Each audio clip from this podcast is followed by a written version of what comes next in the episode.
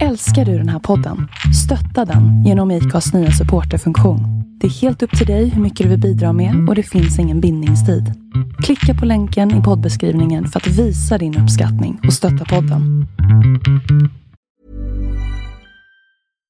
One size fits all seemed like a good idea for clothes Nice dress. Uh, it's a it's a t-shirt. until you tried it on. Same goes for your healthcare. That's why United Healthcare offers a variety of flexible, budget friendly coverage for medical, vision, dental, and more. So, whether you're between jobs, coming off a parent's plan, or even missed open enrollment, you can find the plan that fits you best. Find out more about United Healthcare coverage at uh1.com. That's uh1.com. Hiring for your small business? If you're not looking for professionals on LinkedIn, you're looking in the wrong place. That's like looking for your car keys in a fish tank.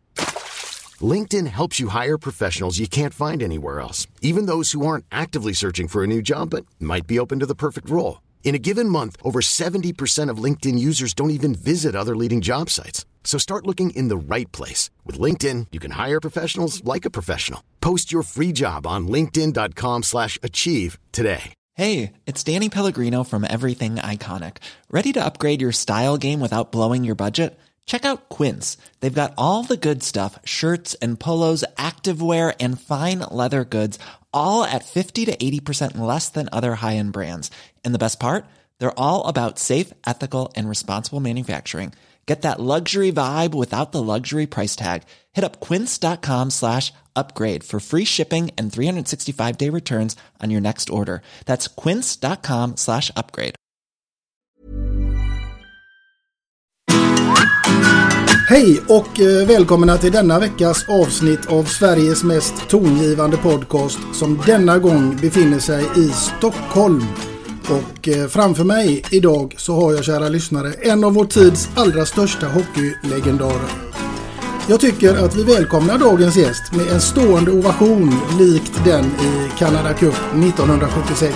Så varmt välkommen säger jag till Börje Salming. Ja, men tack så mycket. Du, hur står det till med eh, Börje Salming idag? Jo, men det står jättebra till. Eh, lite problem med artros i axlarna, men eh, det, det är till och från. Men jag försöker träna bort det. Och det, det har varit borta ett tag, men nu fick jag tillbaka det lite grann när, jag var lite sjuk. Alltså, så, men nu är det bra. Härligt. Du, vi har ju haft med en tidigare gäst som kommer ifrån just din eh, sport också. Det är Anders Broström, känner du till väl? Jajamensan, jag är lite vän med han på, på Facebook. Ja. Men ni möttes aldrig eller? Nej, jag tror han kom efter mig. Jag, jag ska säga lite osagt, här, men, men jag spelade från 70 till 73 och jag tror han kom efter det. Och, och, eh, men sen har jag ju hört talas om honom och det är klart man, man vet när det är, Han är lite lik min eh, brors stil då, Stigge. Så han var ju Stygge Sigge han. Så jag tror Anders var lite Stygge Anders där i Göteborg. Så var det väl, så var ja, det väl. men ver- verkligen bra hockeyspelare. Och han har gjort verkligen bra ifrån sig där i Göteborg. Absolut. Du, eh, du har ju drabbats av eh, covid-19, eller man misstänker väl det i alla fall. Eh, hur gick det? Nej, det är jag vart ju sjuk hemma och vart eh, riktigt dålig. Jag fick ju ambulansen komma och hämta mig och jag var, hade ju, kunde ju inte andas där ett tag.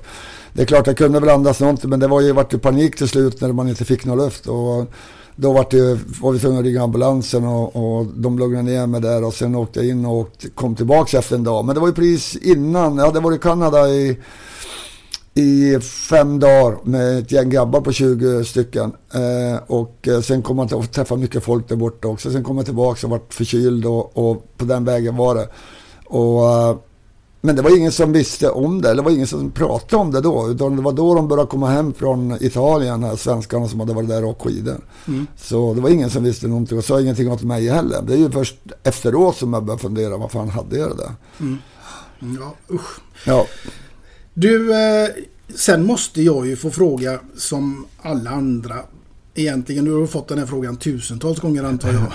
Men vad hände och vad kände du när du fick den här omtalade stående ovationen i Canada Cup 1976. Men vi ska också komma ihåg att du fick ju faktiskt en innan det. Så det är ju två egentligen vi pratar om. Den ena Ja. var väl mot USA. ja. Och, och den andra mot Kanada. Ja. Ja, Och den första det var mot USA. ja. Men vad hände där? Ja, det var, jag hade ju inte en aning om liksom vad som skulle hända. Jag tänkte faktiskt innan så tänkte jag så här, nu, liksom, nu, är det, nu spelar man ju i Sverige. Ja, men innan visste jag ju liksom att de tyckte om mig därför jag spelade ju med Toronto Maple Leafs och där är ju mecka av hockey där så de är helt galen i hockey. Men sen tänkte jag man kanske kan bli lite buro. Jag vet inte, nu spelar ju mot Sverige. Eller mot eh, USA. Eh, men sen då kom det, började de bara klappa händerna. Okej, det var okej när jag åkte ut. Och sen då började, började de ställa sig upp och sen började de stampa. Och, och ja, det var ett jäkla liv det. Så lite pinsamt kändes det som lite grann sådär som, fan hur, hur länge ska de hålla på? Men eh, de höll ju på ett bra tag där så men det var ju jävligt roligt så och då var det väl lite konstigt men eh, så här i efterhand har man ju förstått att det var väldigt roligt. Ja absolut. Mm. Och sen hände det dessutom en gång till och då, denna gång, mot Kanada. Ja, alltså det var det som är så sjukt. Alltså jag tänkte väl kanske då, då visste man ju att det hade hänt då, men att det kanske kunde hända. Men inte mot Kanada. Jag menar Kanada är ju deras, eh, menar, deras helgon, deras spelare. Och där hade jag ju eh, två grabbar som spelar i Toronto Maple Leafs, mina lagkamrater. Eh, Lenny McDonald och Darryl Sittler. Och där får jag en standing ovation och de får ingen. Alltså det var så... man passade ingenting.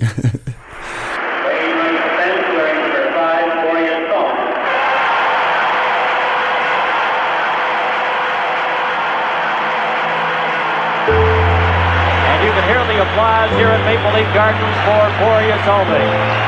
Many are standing. Och det, det, måste jag ju säga att alltså, vi svenskar förstår kanske inte riktigt hur stor du var där nere. Nej, men det, på den tiden också var, fastnade man det, var, det hade ju inte sänts så mycket där bortifrån och det var ju första gången det var Canada Cup och allt sånt där. Och sen tv var ju inte så stort. Vi hade ju inte så mycket hockey. Ja, VM och sånt hade vi på tv naturligtvis, men inte därifrån. Och de visste ju inte vad jag hade gjort där borta egentligen. Nej. Så det var ju lite nyheternas behag, liksom att vad fasiken gör de? De, hade, de satt nog där själva också med frågesäcken och funderade vad de höll på med. ja, och det, det, blev hela 17 säsonger om jag har rätt uppgifter i eh, NHL. Och ja. Det var 16 säsonger med Toronto och ja den sista säsongen med eh, Detroit Red just, Wings. Just det. Mm. mm. Och med det så blev det också ett antal R. ja. Närmare bestämt, jag har hört någonstans, men det är en, en bit över 500. Ja, jag vet inte. Det, det där har väl blivit liksom att någon har sagt 500, ja det var väl något sånt brukar jag säga. Man, man räknar ju aldrig, eller la ihop de här ärren som man hade. Nej men det var ju så att det, mycket på 70-talet, det var mycket höga klubbor och allting, så man fick hela tiden. Och då hade man ju ingen visir och inget sånt där, utan det var, det, det var tillhörda spelet. Mm. Och det, då, vet du, direkt så åkte man in bara och så sydde de och så ut igen. Så det var ju inget konstigt med det. Det var ju en, en del i spelet. Mm. Men det var ju också så att det var ren taktik ibland att eh, plocka en viss eh, Salming så han skulle hamna i båset och på så vis skulle motståndarna vinna lite tid. Ja, det var ju, det var ju verkligen eh, rått kan man säga på den tiden. Och det var ju inte liksom, de hade ju inte de hade ju inga hårda, liksom nu sen på 80-talet så blev det ju mycket hårdare. Då, liksom, då, var, då kunde man ju bli avstängd. Och, men nu vart man ju inte avstängd. Man kanske fick max matchstraff om man gjorde något verkligen gjort. Men många gånger som, som jag har berättat förut också att liksom till andra att Alltså det här galning, eller en spir, liksom en spiring rakt i bröstet gjorde de på en match här. Och till och med Inge Hammarström berättade det här om dagen också att jag, han fattade ju inte att jag steg upp ens. Och han fick två minuter bara. Ja men hade det varit nu så hade han varit avstängd han hade fått böter och vet tusan allting. Så Alltså de, det, det är ofattbart att förstå hur, hur rått det var på den tiden. Ja, verkligen. Och, och, just det där att, de, att det var också inte bara rått utan det var utstuderat att man skulle liksom kanske märka någon i, ja, vid ett väl valt tillfälle.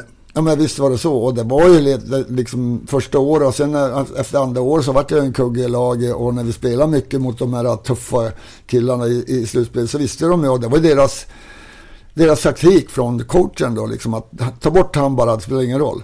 Mm. Och det vet jag, liksom, jag pratade med när vi var i Hockey Hall of Fame där eh, några år senare efter jag hade blivit invald så pratade jag med Bobby Clark, han spelade med i Philadelphia Flyers och de var ju värsta gänget där. Och, och han sa, så, sa han bara att du, sa han, du, du förstår väl att det, det var inte bara vi, vi, grabbar som gjorde det här bara för att vi ville göra det. Utan det var våran coach som sa åt oss att vi fick, ni ska, vi ska ta bort dig till varje pris. Det spelar ingen roll vad ni gjorde. Så bara vara nöjd.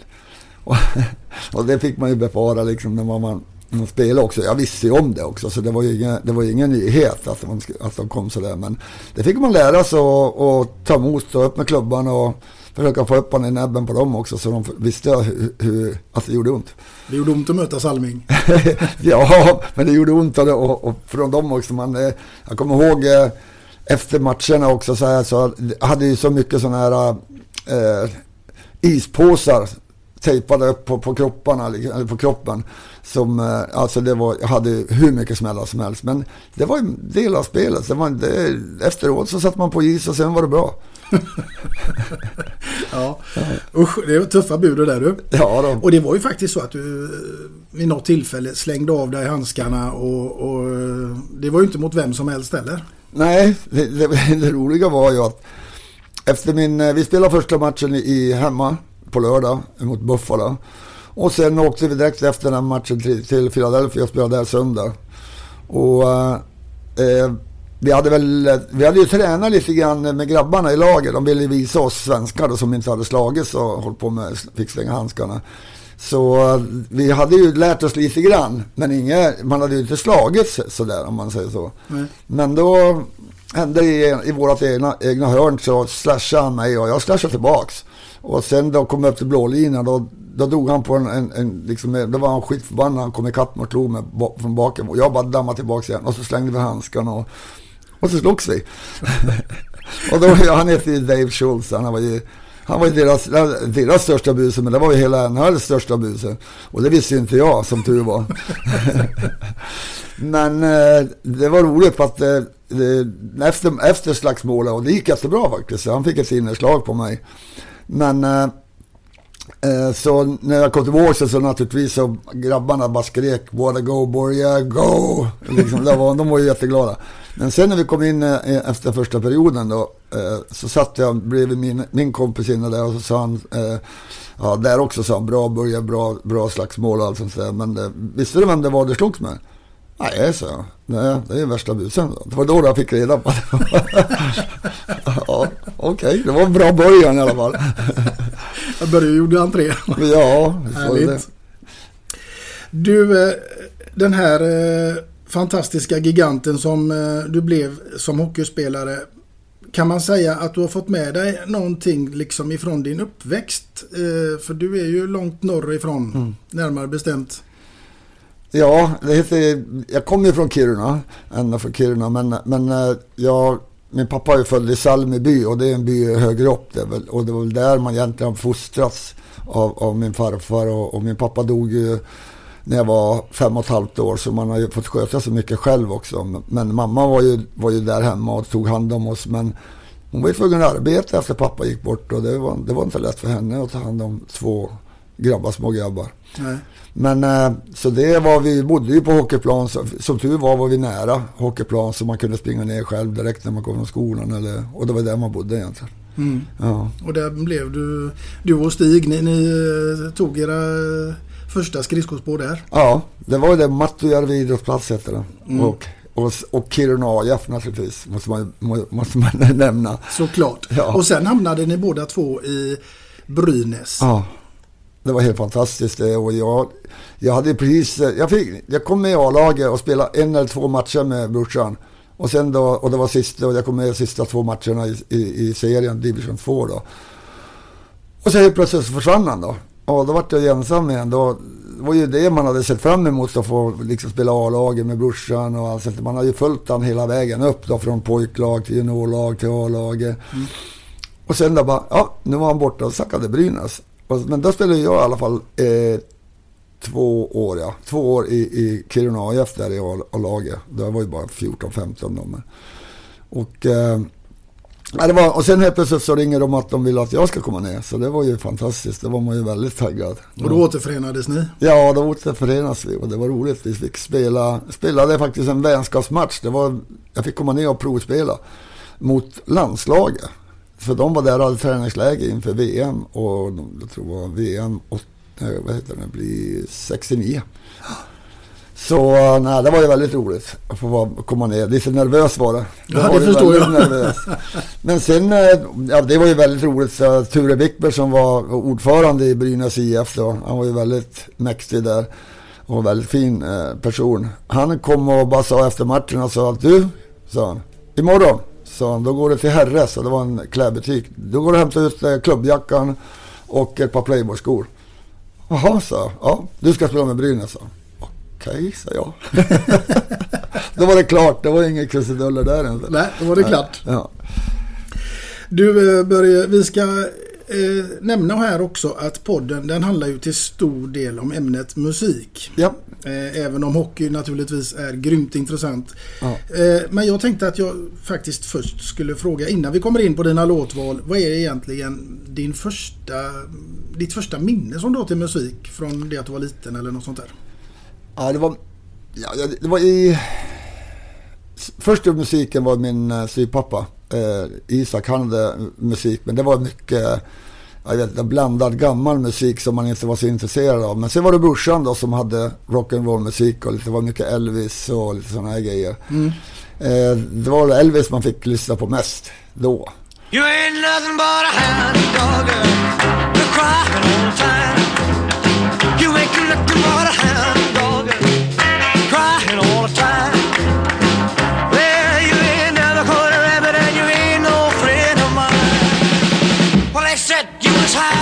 Så det var väl första musiken man hörde.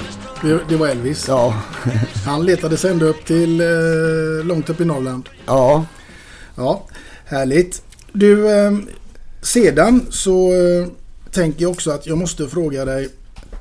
Eh, du har varit med på lite andra saker som eh, Möt dig själv. Det läste jag också Ja. när jag gjorde en research på det här. Det låter eh, som någonting helt fantastiskt. Ja, det, det var tufft. Det var, det var ingen lätt eh, resa den här veckan som jag var där. Och eh, det är väl egentligen skulle min, min, eh, mitt ex, om man säger, kalla min, min eh, som är mamma till, till Rasmus och Bianca, eh, Katarina, hon skulle dit och för att hon hade haft en mamma som var alkoholist och hon ville liksom, ja, få bort det här. Hon hade, mådde väl inte så bra över det. Och hon dog också på grund av det. Eh, och jag... Eh, för att komma dit till mötet själv så var man tvungen att gå och åka dit båda två. Ja, för, att, för att förstå när hon skulle komma tillbaka. Och det här förstår man efteråt varför. Och, och då hade vi precis fått eh, Rasmus eh, där och så då kunde vi inte åka dit båda två. Så jag fick åka dit en vecka innan. Och visste ingen, nästan ingenting om det. Utan jag visste väl kanske lite grann men, men ändå kom dit. Så det var en riktig surprise. Men det var väldigt, väldigt bra. Jag tror jag aldrig har gråtit så mycket som jag har gjort då. För det man hade fått lära sig när man när jag växte upp i Kiruna att äh, det när man grät, det var väl liksom lägg av med det där. Vad är det för? Det är inget trams, det håller inte på sånt där. Så mycket av det där så man hade allting inom sig själv. Allting som, man, man, som hände runt omkring en och man var ledsen eller någonting så bara gick man åt sidan och, och gjorde ingenting utan man bara körde på. Mm. Och där fick jag verkligen lära mig att jag fick, jag lärde mig att så fort, när vi kom dit så stod vi bara runt och hörde musik. Och där fick jag, kom de och sa bara att du får göra vad du vill här. Det är ingen som kommer veta vad du gör, ingenting. Och jag bara kände mig, och bara grät. Alltså det bara kom upp alla mina, liksom all, all, inte allting som hade hänt, men det, det bara kom på en. Att, och de kom bara sen när de såg att jag grät så kom jag, gråt, gråt sa de. Det är bara gråt, det är det bästa som finns sa de. Och där grät jag inte mer än en halvtimme. Jag tror jag hade nästan en sjö där nere ute bredvid skorna. Vilken upplevelse. Ja, det var verkligen en upplevelse. Men det var, det var ju inte bara det, utan vi fick ju... Det var att möta själv och att få ut allt sånt här som man kanske har förträngt och ligger bakom minnet som, som inte är så bra att ha i, i, i kroppen. Och det fick jag, det var väldigt bra att möta själv. Jag mötte faktiskt, jag har förträngt min pappa också. Att jag inte hade träffat honom på något sätt. Varför? Det är klart jag hade träffat honom. Jag har ju träffat honom, träffat honom i fem och ett halvt år. Och ja, jag kände som att han inte hållit i mig på något sätt. Var jag, jag vet inte om jag var inte besviken på min pappa utan det var bara det att man på något sätt så hade jag förträngt det. Men eh, där så mötte jag han faktiskt efter jag hade eh, konstigt sätt så hade jag fötts igen. Jag, jag, jag, föd, föd, jag föddes på nytt kan man säga. Eh, och då fick jag möta honom och då såg jag verkligen att han kramade mig. Så det var helt otroligt eh, fint. Det kan jag tänka mig. Det måste vara grymt. Ja. En grym känsla. Ja, det kom fram ur mina minnen. Jag fick fram alla minnen att där var han. Wow. Ja, helt sjukt. Ja. Alltså det där, precis som musiken egentligen skulle jag säga, så, så påverkar väl det oss alla människor på ett eller eh, annat sätt. Musik kan man ju faktiskt bli ledsen till och man kan bli glad och, och allt möjligt. Och, och på vilket sätt påverkar egentligen musiken dig i ditt liv skulle du säga? Jo men det, musiken idag så kan ju göra liksom, det är likadant att titta på filmer också. Nu gråter jag ju nästan för jämnan. Alltså när man ser bra filmer och vad som helst.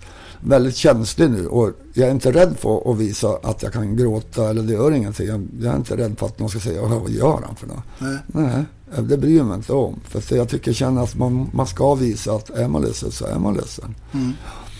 Det där är faktiskt lite jobbigt, det får jag hålla med om. Eh, Vad är det den här filmen heter nu som var så himla populär med hon eh, Lady Gaga? Ja, just det. Ja, jag kommer inte ihåg vad filmen hette nu men min dotter hon, hon sa pappa du måste se den här filmen. Ja, vi satt och tittade på den tillsammans. Och så kom det så småningom. Då säger Alva till mig. Men pappa, du gråter ju. Nej, det gör jag inte.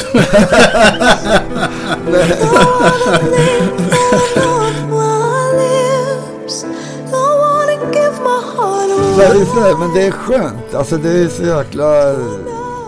Kroppen mår bra av det. Man måste få ut det. Man ska inte hålla inne saker och ting. Nej. Det, nej, det är klart.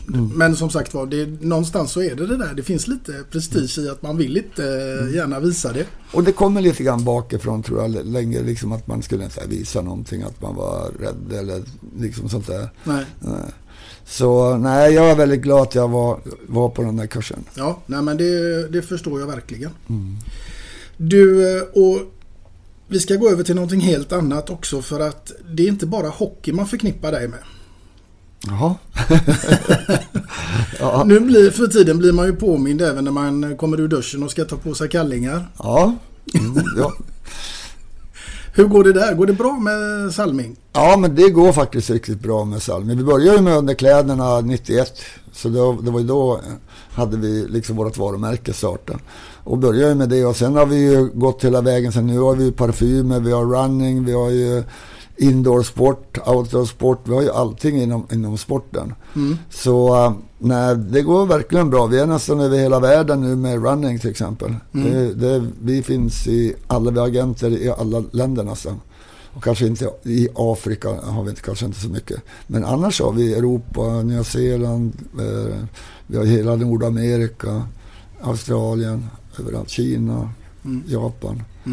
Så, eh, men eh, det roliga är att liksom, eh, till exempel handboll är vi inne i. Vi har ju all indoorsport. Vi har ju från topp till tå. Vi har skor för indoor liksom hela vägen och team, teamwear. Och till målvakterna, till innebandyn och allting sånt där. Och sen har vi running då. Med också topp till tå med skor. Och det, det har verkligen gått bra. Men visst var det, det var inte så din karriär startade inom företagsdelen om man säger utan du var väl, höll inte du på med resor eller någonting? Ja, men det var, det var i samband med, det var tre saker som hände där. Vi, vi, vi importerade öl och sen var det resebranschen lite grann. Och, men då, var, då blev det, i resebranschen där skulle vi ha äventyrsresor och allt sånt där. Och sen till, till också VM och alltså hockeyresor. Men sen helt plötsligt så gick ju, vad heter det, det var ju, företagen fick inte så mycket pengar. Nej, det, det var börsen som, som gick åt fander tror jag där. Så det liksom, då dog det där lite grann och vi slutade med det. Men vi importerade en öl som heter Upper Canada Lager från Kanada. Som jag tyckte var så god och borta som jag ville att vi skulle ta hem till Sverige. Och i samband med det så började vi med underkläderna. Ja. Ja, så det var, allting var på en gång. Och sen när det började bli för mycket med underkläder och la ner det andra. Ja. Ja. ja, du har ju till och med själv varit modell för dina kläder. Jajamän. Inte numera. Inte numera. Nej.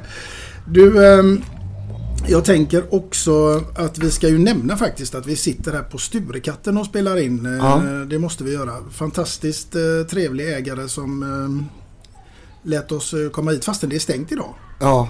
Alltså det, han är så snäll den här killen på Sturekatten. Han är fantastisk. Jag har varit här och gjort så många sådana intervjuer med olika saker. Och, och det är fint. Det är ungefär som en, jag tror att från långt, långt, långt tillbaks, kanske hundra år, så var det en, en lägenhet där någon rik en bodde. Jag har inte riktigt historien. Men, men nu är det bara, vad är det? Nu är det en, en Ja, det ett fik. Det har varit hur länge som helst. Jag har gått här tror jag säkert i, i, i 20 år. Ja. Men det är fantastiskt mysigt här. Ja, det är jättemysigt. Det är som att komma hem. Ja, verkligen. Jag känner, jag känner likadant. Ja. Du, eh, nu tänker jag ju naturligtvis också att jag måste beröra om någonting som jag tror att inte de flesta gör med dig i sådana här sammanhang. Eh, vi har ju pratat lite grann om att du kunde vara lite känslig och sådär och våga gråta nu och sådär. Och du har en annan väldigt fin sida också för du ställde upp en gång i tiden när en viss Lars-Gunnar Björklund ringde dig och tillsammans med Björn Borg och Ingmar Stenmark, Frank Andersson och gud allt vad de hette. Ja. Ni var 12 stycken som skulle läsa in varsin saga. Ja. Och eh, du har läst du läste sagan om åsnan och saltet. ja, jag vet. Kommer du ihåg det? Jo, men alltså jag kommer ihåg det där för att vi, jag kommer inte ihåg vad vi gjorde där, men jag har fått en, det var någon annan som, som skickade till mig, titta såg du, har du sett det här? Och då kom jag, ja just det, det gjorde jag. Och jag tror vi spelade in det någonstans i någon garderob någonstans eller vad det var. Ja, det var någonstans där, men, eh, men det var roligt att göra. För det gick ju, allting gick ju till välgörenhet också, så det var väldigt kul.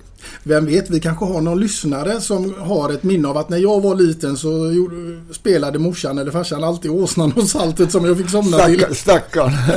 Medan han kämpade med strömmen smältes allt i säckarna som snart hängde tomma på sadeln.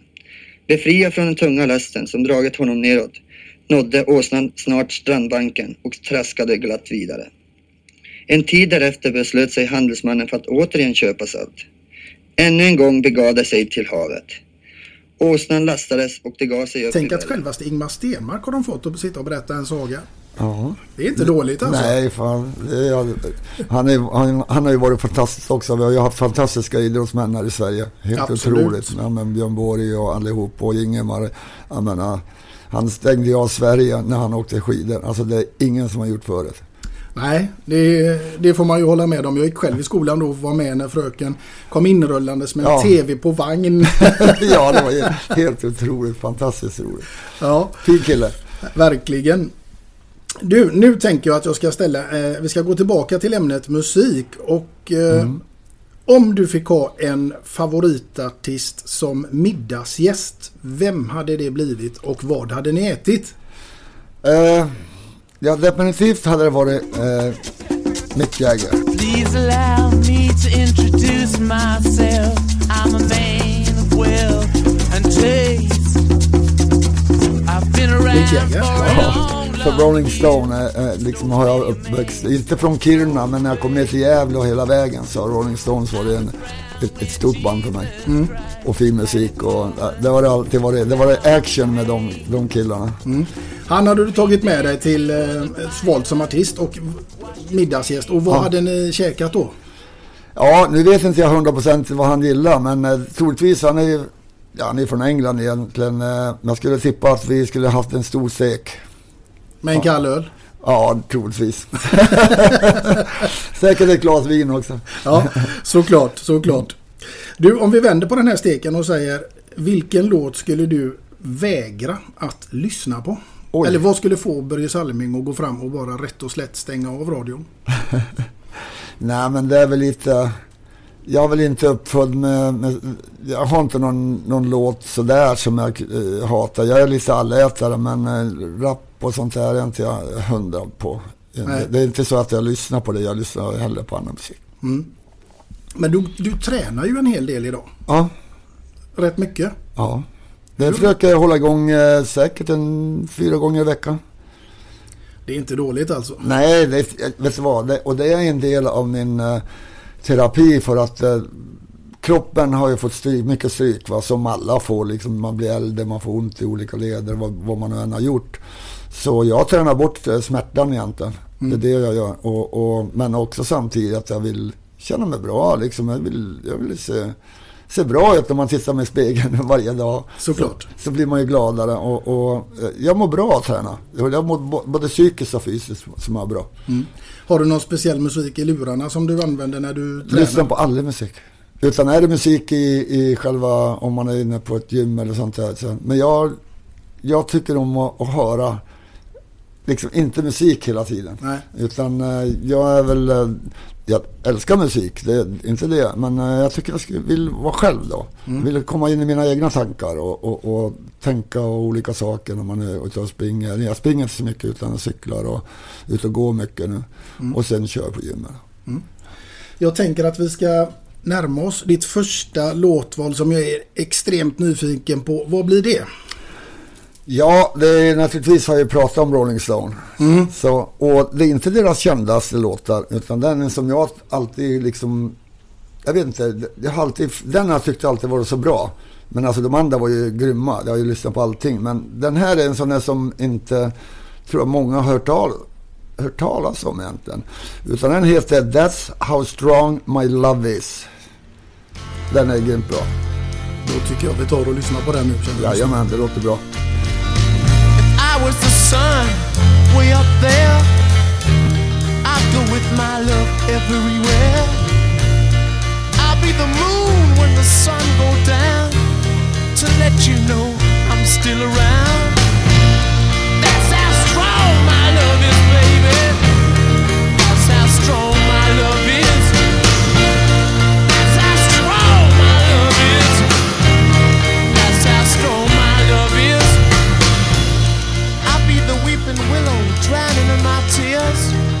Can go swimming when you're here. I'll be the rainbow when the sun's gone. Wrap you in my colors and keep you warm.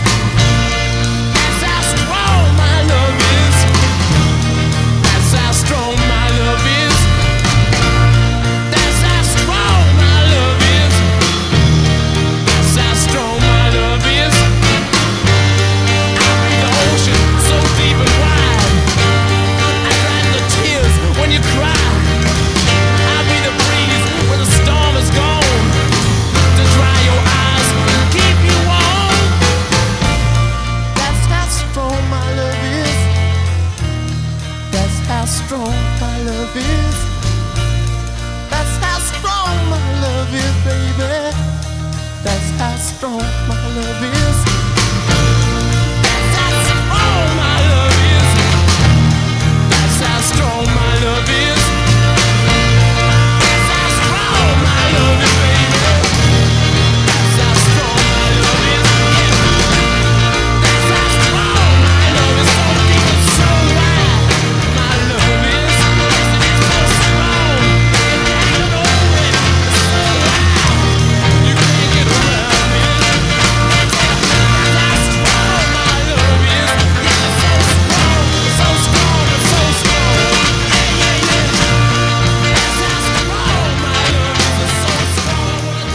Ja du Börje, här hörde vi den. Vad kände du nu när du hörde den här gamla klassikern? Ja, men det är good feeling. Nej, det känns jättebra. Stones är så bra liksom. Man har så my- mycket minnen av dem så det är fantastiskt. Härligt. Och jag tänker att vi ska faktiskt dra oss vidare ytterligare lite granna här in i fantasin Börje. För nu ska du få låtsas att du är på en helt öde ö. Och Oj. du får bara ta med dig en enda CD-platta eller LP-platta. Vilken blir det? Oj. Oj, oj, oj, oj. Eh. Nej, det blir ju någon med Rolling Stones naturligtvis. Jag vill ha med dem hela tiden. Det är favoritgruppen helt Ja, enkelt. det är det. Men men visst, det finns ju hur mycket bra musik som helst som jag älskar också. Eh, eh, jag är allätare kan man säga, men eh, Rolling Stones sitter ju i, i, i kroppen från länge tillbaks. Ja, Så det blir någonting med Rolling Stones helt ja enkelt. absolut. Ja, men det är härligt. Det är, då kommer du inte att gå ledsen där på den ödön. Nej.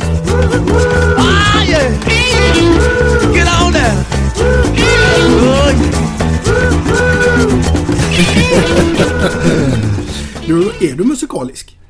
Nej, enda, nej det är ja, musikaliskt. Eh, jag gillar att dansa och, och, och sånt va, men I'm Sandra, and I'm just the professional your small business was looking for. But you didn't hire me because you didn't use LinkedIn jobs. LinkedIn has professionals you can't find anywhere else, including those who aren't actively looking for a new job but might be open to the perfect role, like me. In a given month, over 70% of LinkedIn users don't visit other leading job sites. So if you're not looking on LinkedIn, you'll miss out on great candidates like Sandra. Start hiring professionals like a professional. Post your free job on linkedin.com/achieve today. Hold up. What was that? Boring. No flavor. That was as bad as those leftovers you ate all week. Kiki Palmer here, and it's time to say hello to something fresh and guilt-free. Hello Fresh. Jazz up dinner with pecan-crusted chicken or garlic butter shrimp scampi. Now that's music to my mouth. Hello Fresh. Let's get this dinner party started. Discover all the delicious possibilities at hellofresh.com. Since 2013, Bombas has donated over 100 million socks, underwear, and t shirts to those facing homelessness. If we counted those on air, this ad would last over 1,157 days. But if we counted the time it takes to make a donation possible, it would take just a few clicks. Because every time you make a purchase, Bombas donates an item to someone who needs it. Go to bombas.com slash ACAST and use code ACAST for 20% off your first purchase. That's bombas.com slash ACAST, code ACAST. Millions of people have lost weight with personalized plans from Noom, like Evan, who can't stand salads and still lost 50 pounds. Salads, generally, for most people, are the easy button, right? For me, that wasn't an option. I never really was a salad guy. That's just not who I am. But Noom worked for me. Get your personalized plan today at Noom.com. Real Noom user compensated to provide their story. In four weeks, the typical Noom user can expect to lose one to two pounds per week. Individual results may vary. Hey, it's Paige DeSorbo from Giggly Squad. High quality fashion without the price tag. Say hello to Quince. I'm snagging high-end essentials like cozy cashmere sweaters, sleek leather jackets, fine jewelry, and so much more. With Quince being 50 to 80% less than similar brands. And they partner with factories that prioritize safe, ethical, and responsible manufacturing. I love that. Luxury quality within reach. Go to quince.com slash style to get free shipping and 365 day returns on your next order. Quince.com slash style. Jag hade väl velat liksom spela men man hade inte tid och, och alltid velat spela gitarr och mina barn till exempel, eh, min äldsta barn eh, Anders han spelar ju trumpet och sen spelar de också piano och hade mycket sådana här eh, de hade en fröken som skött, liksom lärde dem att spela, vet du, de spelade tror jag i fyra år, vet du, piano. Mm. Och det, det hade jag velat ha gjort också. Jag var faktiskt med på en, en jag åkte, gick med en gång och så ville jag liksom, okej okay, kan jag få köra också, liksom testa. Men det vart bara en gång. Sen tyckte jag att det var för jobbigt, för krångligt. det var inte min grej. Nej. Nej. Jag måste ju säga faktiskt att eh, din son Anders och jag, vi har ju faktiskt jobbat ihop i Göteborg. Ja. Det här är många, många herrans Ja. år sedan. Jag har inte haft någon kontakt med Anders. Vad gör han idag? Ja, idag är han, eh, idag är han brandman. Se där, ja. ja. så han är brandman. Han bor ju i Vaxholm. Så, så de bor där med familjen och har två små barn. Och eh, ja, frun Jenny. Mm. Så de mår jättebra. Härligt. Får du hälsa honom så gott nästa Ja. gång du träffar honom? Det ska jag göra. Ja. Du, eh, Bianca också. Henne går det bra för. Ja, det är, hon tränar på som en galning. Nu är det ju lite tråkigt med den här pandemin. Men alltså hon, allting har ju blivit avbokat. Eh, Sista hade de lite, hade hon trodde hon att det skulle bli och det var ju Paris då, EM. Men eh, det, var, det försvann också. Så idag så stack hon faktiskt till eh, eh, Montenegro på Mm. träningsläger. Mm. Och det var någon, någon tävling där också. Så ska vara där i tio dagar. Mm.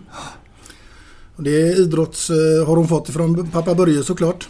Ja, det vet jag inte. Hon kör ju friidrott så jag var väl ingen friidrottare och jag spelare. Men visst, man höll ju på med alla sporter. Jag spelade ju handboll också ända tills jag var 15 till exempel och innan jag kom i A-laget i Kiruna AIF. Och då slutade jag med handbollen. Men det, parallellt så spelade jag handboll och hockey. Mm.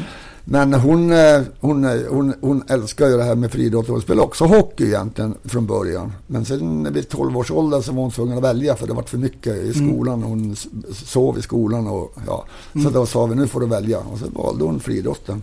Och det är vi väldigt glad för idag för hon, tyck, hon är hon, alltså hon är helt galen att träna. De tränar ju två gånger om dagen. Mm. Och alltså, ja plus det. Men nu, och sen speciellt nu när det inte har varit tävlingar heller så har det ju varit väldigt bra. Jag frågade henne också, men hur, hur går det nu då att träna?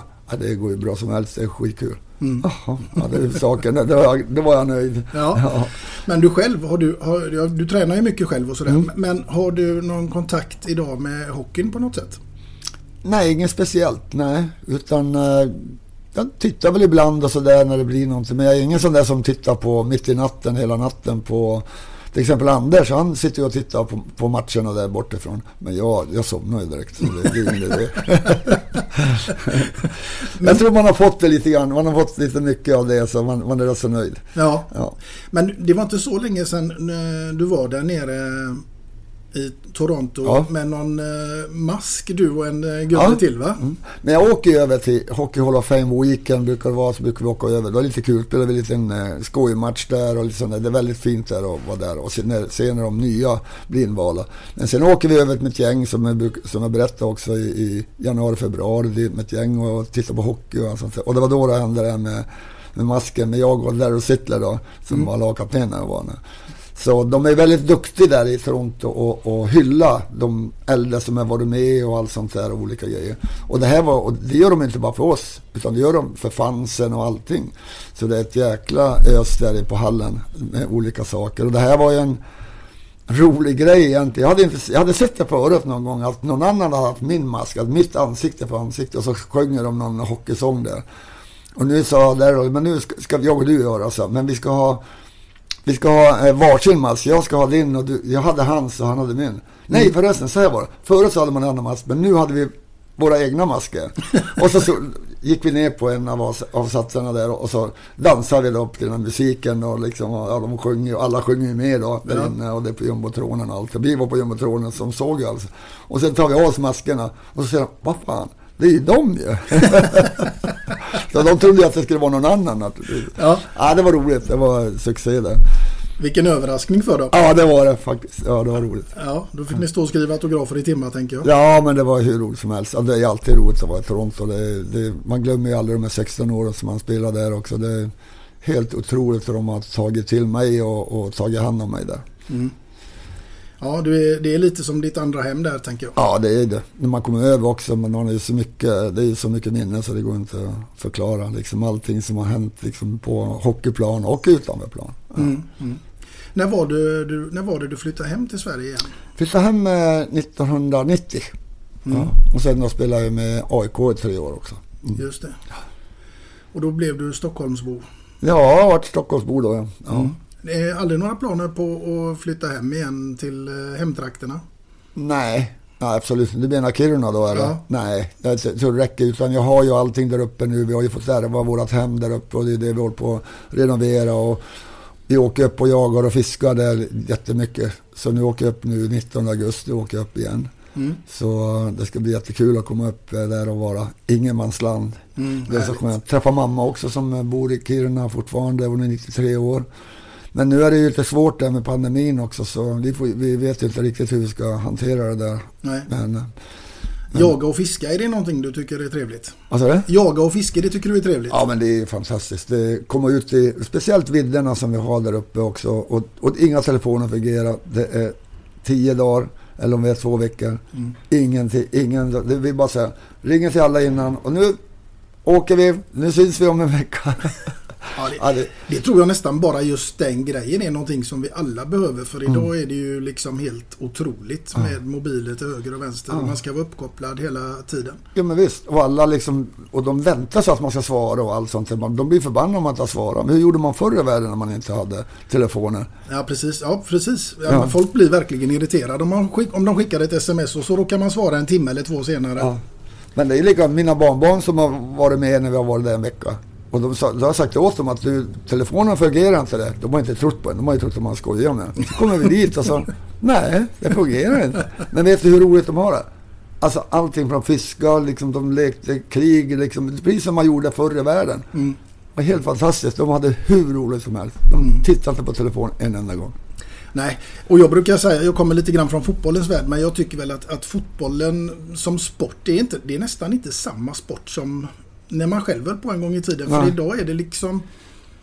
Ja, det är så toppstyrt allting och det är agenter till höger och vänster som Mm. Ja. ska säga sitt. Och, och jag antar nästan att det kanske är lite likadant inom hockeyn, eller? Ja, det är ju det. Agenter och det är de som bestämmer egentligen när de, när de kommer upp och får en agent och när de blir 18-19 år, vilket är väldigt tråkigt. När man, det är de som styr och ställer lite grann hur, hur, hur och var ska, man ska åka. Mm.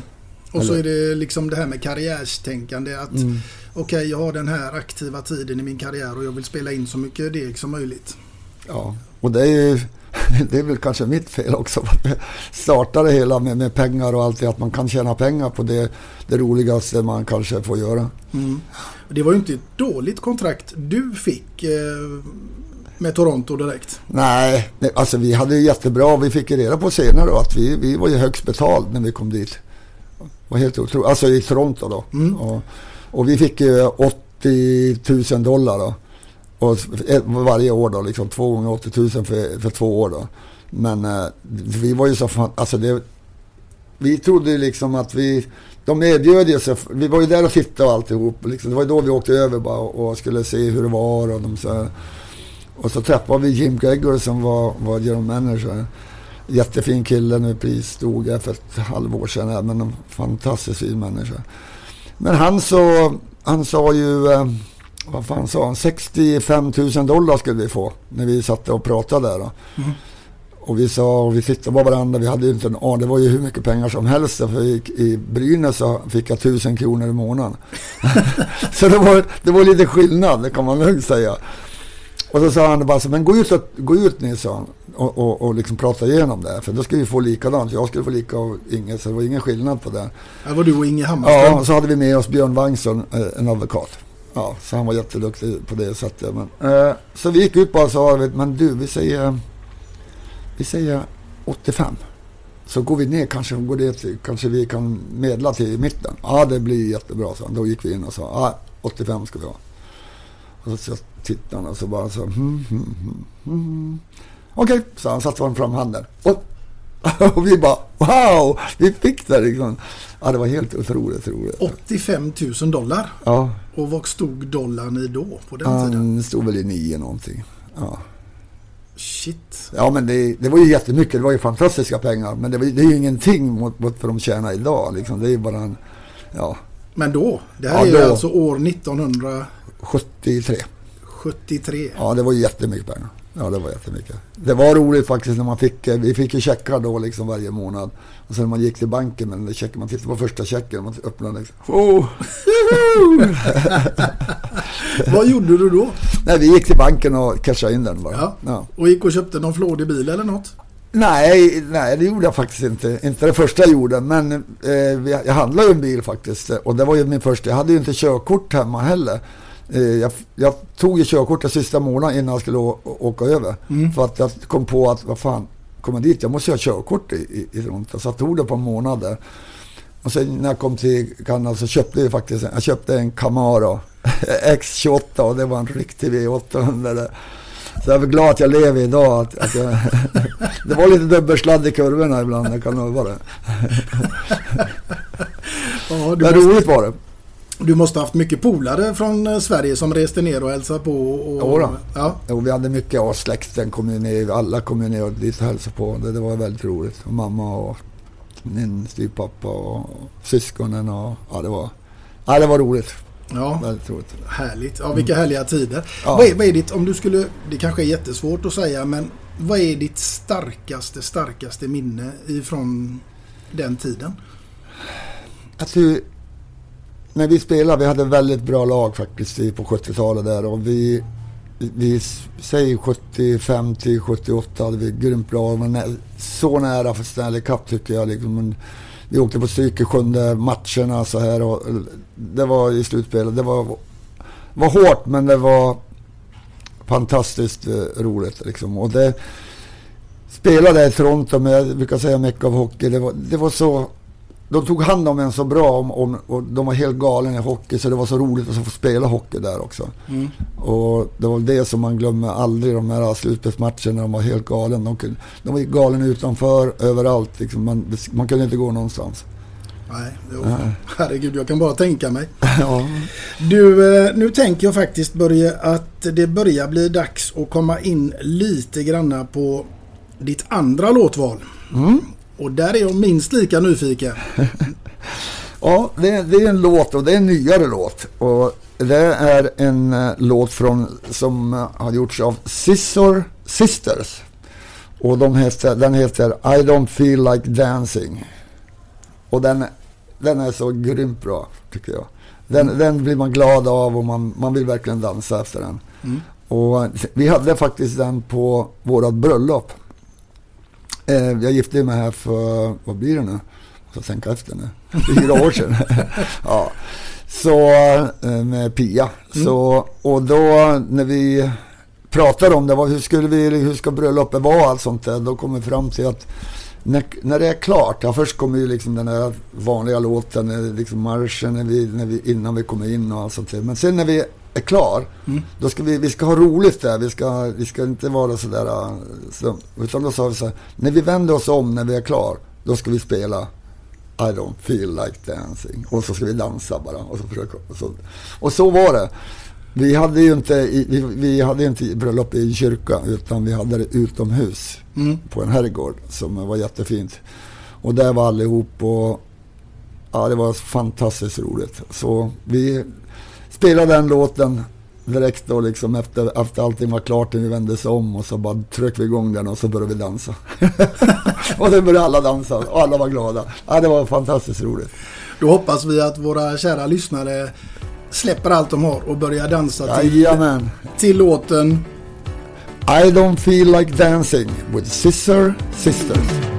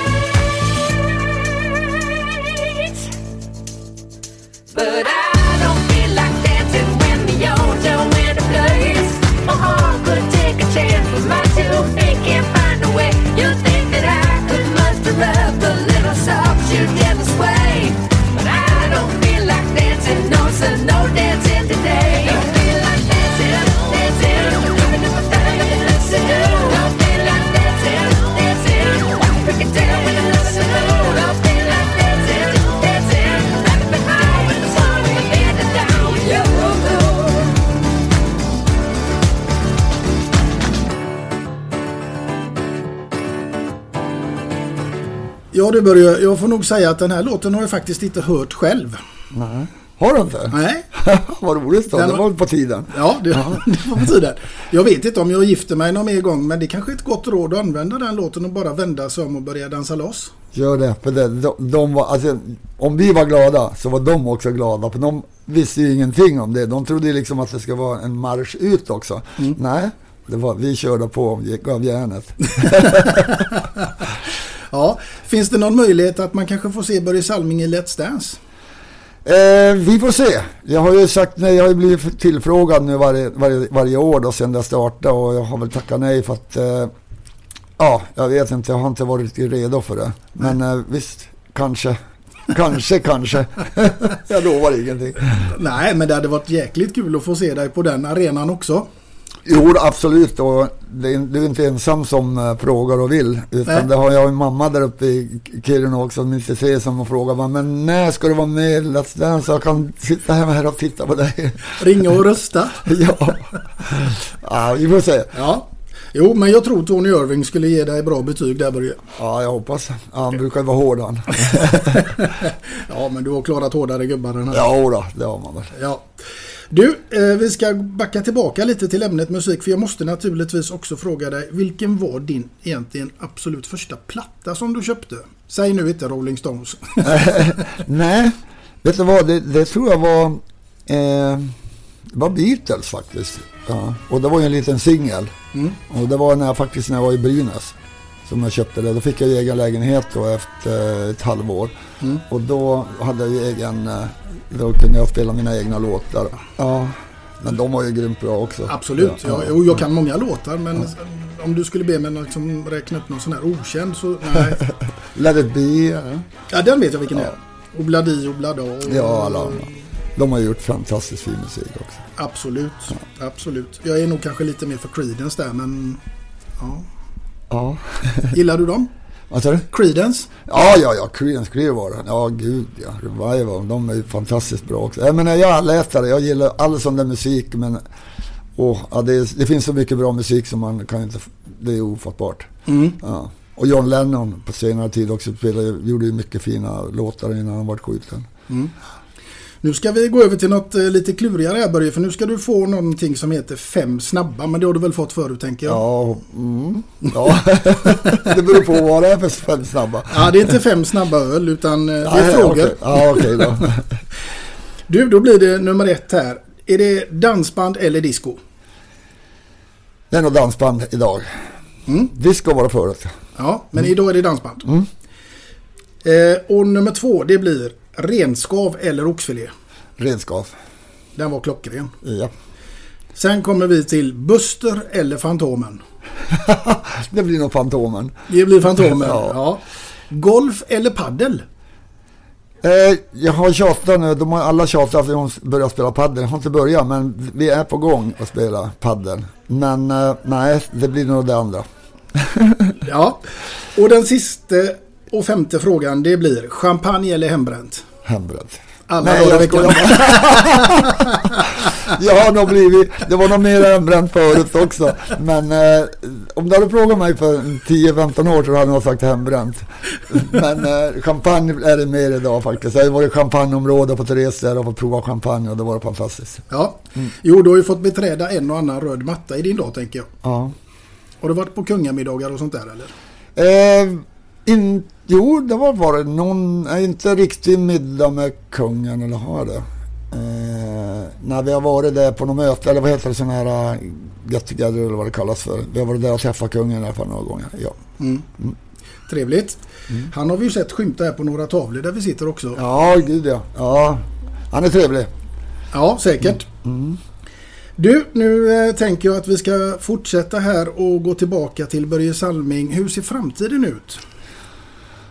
Hur ser framtiden ut? Ja, ja det är ju fortfarande med varumärket naturligtvis. Men eh, där har jag ju, när jag fyllde 65 så sålde jag en del av varumärket till, till våra egna, till Salming Sport. Så, och tog bort lite ansvar från mig själv för att jag tänkte att nu måste jag liksom leva lite grann också. Och vilket jag är glad för idag. Så nu är jag bara med och jobbar och är den glada mannen, ska jag säga. Och inviger och, och gör olika saker, så, vilket jag är väldigt glad för. Mm. Så det är väl mycket det och familjen naturligtvis. Mm. Det, det är familjen och barnbarnen och, och det är väldigt viktigt.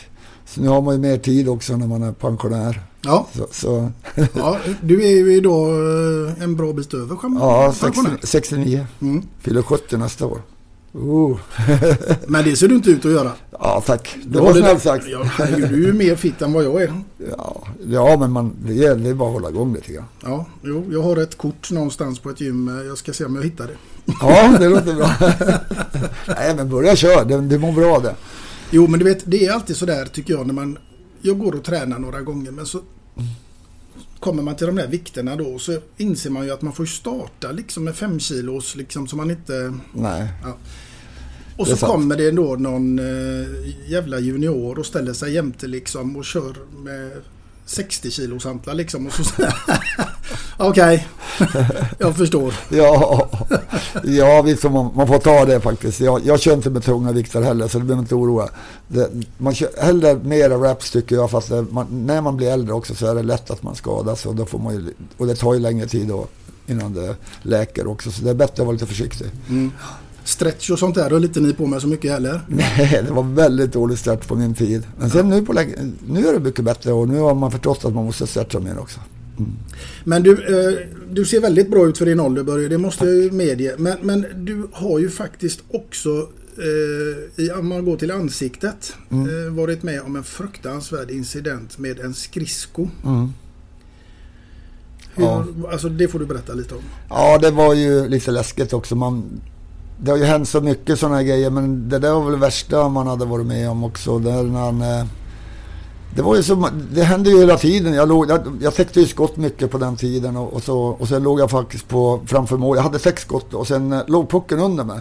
Och det var min målvakt som sa ligg kvar, ligg kvar. sa han. Fast då tänkte han väl att domaren blåser väl. Ligg kvar bara. Och jag låg kvar. Och samtidigt så min backkompis. Han de höll på att gruffa där och då gjorde han en crosschecking så han stapplade bakåt. Eh, Detroit-killen, det var i Detroit som det hände. Och trampade mig rakt i ansiktet. Och han såg det, det var ju ofrivilligt så han såg inte det utan han tappade ju balansen bakåt och trampade mig i ansiktet. Och då fick jag... Det som... Eh, när jag tog i ansiktet, jag kände, jag såg ju inte det utan jag kände bara att jag, huvudet vek åt sidan antagligen tyngden.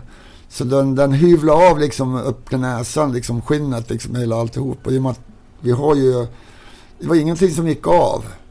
Men ändå så vi hyvlade bort all skinn från benet kan man säga. Mm. Och det var det som såg inte så bra. Och sen hade jag ju tur att jag klarade ögat. Det gick priset runt ögat och tog halva pannan också. Så nej, det såg inte så fint ända, ända ner till läppen. Så det var inte så vackert. Men, eh, och det var ju, jag visste inte, jag, vis- för man förstår, när man har skurit sig och sånt så känner man ju det när man har skär sig att det bränner till lite grann. Och det var det som brann till lite grann. Men jag, smärtan känner man inte av så mycket. Men det kanske var adrenalinet som man, man har kanske förträngt allting. Mm. Men sen när jag kom upp eh, förstod jag, jag satt handen där och förstod jag, aha, oj då. Ja, och så kände jag blodet bara pumpa ur och då var det bara, då gled jag in i båset och det första jag stötte i det var ju Eh, andremålvakten. Han öppnade ju båsdörren och såg ju liksom att det rann i blod när jag åkte och så tog han emot det och får in i hans bröst och förstörde hela hans, han fick ju, det var ju här var ju i första perioden så så han fick ju byta tröja för han såg ju för jävligt ut. Men sen då brukar man ju sy direkt på, på hallen när det är små grejer. Men han sa, doktorn kom in och han sa bara det är bara sjukhuset. och han. Och det förstår man ju. Men jag förstod ju efteråt att varför också. Men eh, det var ju väldigt, det var ju mycket insida, insidan i och med att de var tvungna att sy fast den. För annars blir det som en ballong när det sväller upp. Ja. Så de var ju tvungna att sy så mycket invändigt. Så jag hade ju nästan, eh, vad var det, över 300 stygn. Så det var, det var ett riktigt... Bara i ansiktet? Bara i ansiktet. Åh herregud. Ja, så han gjorde mycket. Jag, jag satt... Eh, vi låg där faktiskt och, och han, eh, jag fick ju morfin så jag kände ju inte av det. Men jag såg när de hade satt den här gröna kåpan runt omkring så såg jag ju bara den. Så såg jag en, en, en som en nål, men det var en nål som höll i skinnet av, av huden. Som Mm. höll undan när de höll på och, och sy. Mm. Och samtidigt hörde jag när de eh, brände blodkärlen. Jag hörde bara... så där man inte glömmer. Så efter ett tag då så funderade jag, vad fan, det börjar känna i benen känns det. Men eh, när, är vi inte klara snart så? Så, uh, så uh, we're at, we are at second base. Second base, vad fan pratar han om? Han pratar om, eh, om baseball. Andra, då, då förstod jag att base är en, två, tre, fyra va? Han var Halva väg, jag hade halva kvar. ja, fy fan. Ja, då tänkte jag, jaha. Jag tänkte, fy fan. Och sen då, när man, jag kom hem och det var otroligt. Och de skickade hem mig faktiskt. De tog, skickade hem mig i, de, det var i ambulans, körde hem mig till hotellet. Alltså att man inte var kvar på sjukhuset, det fattade jag inte. Nej, det är ju, det är ju helt otroligt. Ja, det, det fattade inte jag. Men som körde hem och sen eh, fick jag stödbandage runt huvudet då. Som höll i så att det inte skulle svälla upp så hemskt. Och sen sa de att jag åkte hem nästa dag då. Jaha. Så jag kom hem så på morgonen så eh, tog jag det där stödbandaget då. För, och då tittade jag, då, hade de inte gjort rent så jag hade ju blod överallt och blod i hela, hela eh, huvudet liksom i håret. Det var ju fullt med blod så jag såg ju för jävligt ut. Så då faktiskt kom tårarna. Jag tänkte, fan ska man se ut så här alltså? Och då hade inte jag sett hur det såg ut eller någonting. Fan. Men sen när jag duschade, då, duschat och fått bort allt blod och allt skit. Och så, då såg det bättre ut faktiskt. Då vart jag lite nöjdare. För det såg inte bra ut. Nej, fy fan. Nej, och det var, jag ringde ju hem då också och till, till Margitta, min för detta fru då, och berättade. Och då, hon hade ju sett så mycket så hon sa ju bara att nu får du fan lägga av med hockeyn. Men det gjorde du inte. Nej, jag kom hem och, och jag tyckte liksom, vad fan så jag, jag, har ju klarat mig bra så jag klarade ju ögat sa jag. Så det var ingen fara. Så. Nej, det, var, det höll hon inte med mig. Hon var bra arg på mig. Ja. Ja. Ja, Ja, Hon du, tyckte synd om mig också naturligtvis. Men, men hon var arg, liksom arg liksom att vad fan nu får du lägga av det här. Vi vill inte se det så här med liksom alltid sött i ansiktet överallt. nej, det är inte värt lönekuvertet. Nej. Men då var det värt det. Ja. Du, börjar, vi börjar närma oss eh, poddens slut och det har varit helt fantastiskt trevligt att få ha med dig här som gäst i eh, vår podcast Två låtar och en kändis. Men jag måste ju fråga också, om du nu hade haft den här podden och du skulle haft en gäst framför dig, likt jag har dig här nu. Vem, vem hade det varit? Du får ta vilken som helst, död eller levande. Död eller levande? Det här är ju svårt då. Och... Hade du tagit Tumba Johansson och jag hade tagit sporten. Tumba? Visst, ja, det kunde ha varit vilken som helst. Det hade inte behövt vara sport. Men Tumba var... Jag fick känna Tumba på äldre dagar. eh, När jag kom hem och, och vilken fin eh, kille det var. Rolig kille och, och fick chansen. Och vi var ju faktiskt i Las Vegas tillsammans också en gång och var- var där i två, tre dagar och fick vara tillsammans och hade väldigt roligt. Mm. Som fin kille. Mm. Och, och fantastisk hockeyspelare. Naturligtvis, Ja, inte och minst. golfspelare var han ju också. Ja, det var han ju grym på också. Ja, ja. Ja. Jag har hört mycket historier om den Ja. eh, killen. Jätterolig kille. Ja. fin kille. Bra val Börje. Ja, tack. Du, eh, och med det sagt, då tackar jag dig ännu en gång. Eh, en stor ära att få ha med dig. Och eh, kära lyssnare, jag hoppas självklart att ni finns med oss i nästa avsnitt av vår podcast. Och vem som sitter framför mig då, ja, det återstår att se. Tills dess så får ni ha det så gott där ute. Ha det nu riktigt bra. Hej då. Ja. Hej då.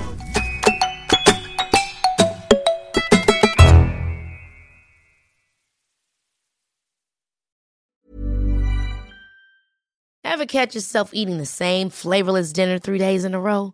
Dreaming of something better? Well, HelloFresh is your guilt-free dream come true, baby. It's me, Kiki Palmer. Let's wake up those taste buds with hot, juicy pecan-crusted chicken or garlic butter shrimp scampi. Mm. Hello Fresh. Stop dreaming of all the delicious possibilities and dig in at HelloFresh.com. Let's get this dinner party started. Even when we're on a budget, we still deserve nice things. Quince is a place to scoop up stunning high-end goods for 50 to 80% less than similar brands. They have buttery soft cashmere sweaters starting at $50, luxurious Italian leather bags, and so much more. Plus, Quince only works with factories that use safe, ethical, and responsible manufacturing. Get the high-end goods you'll love without the high price tag with Quince. Go to quince.com slash style for free shipping and 365 day returns.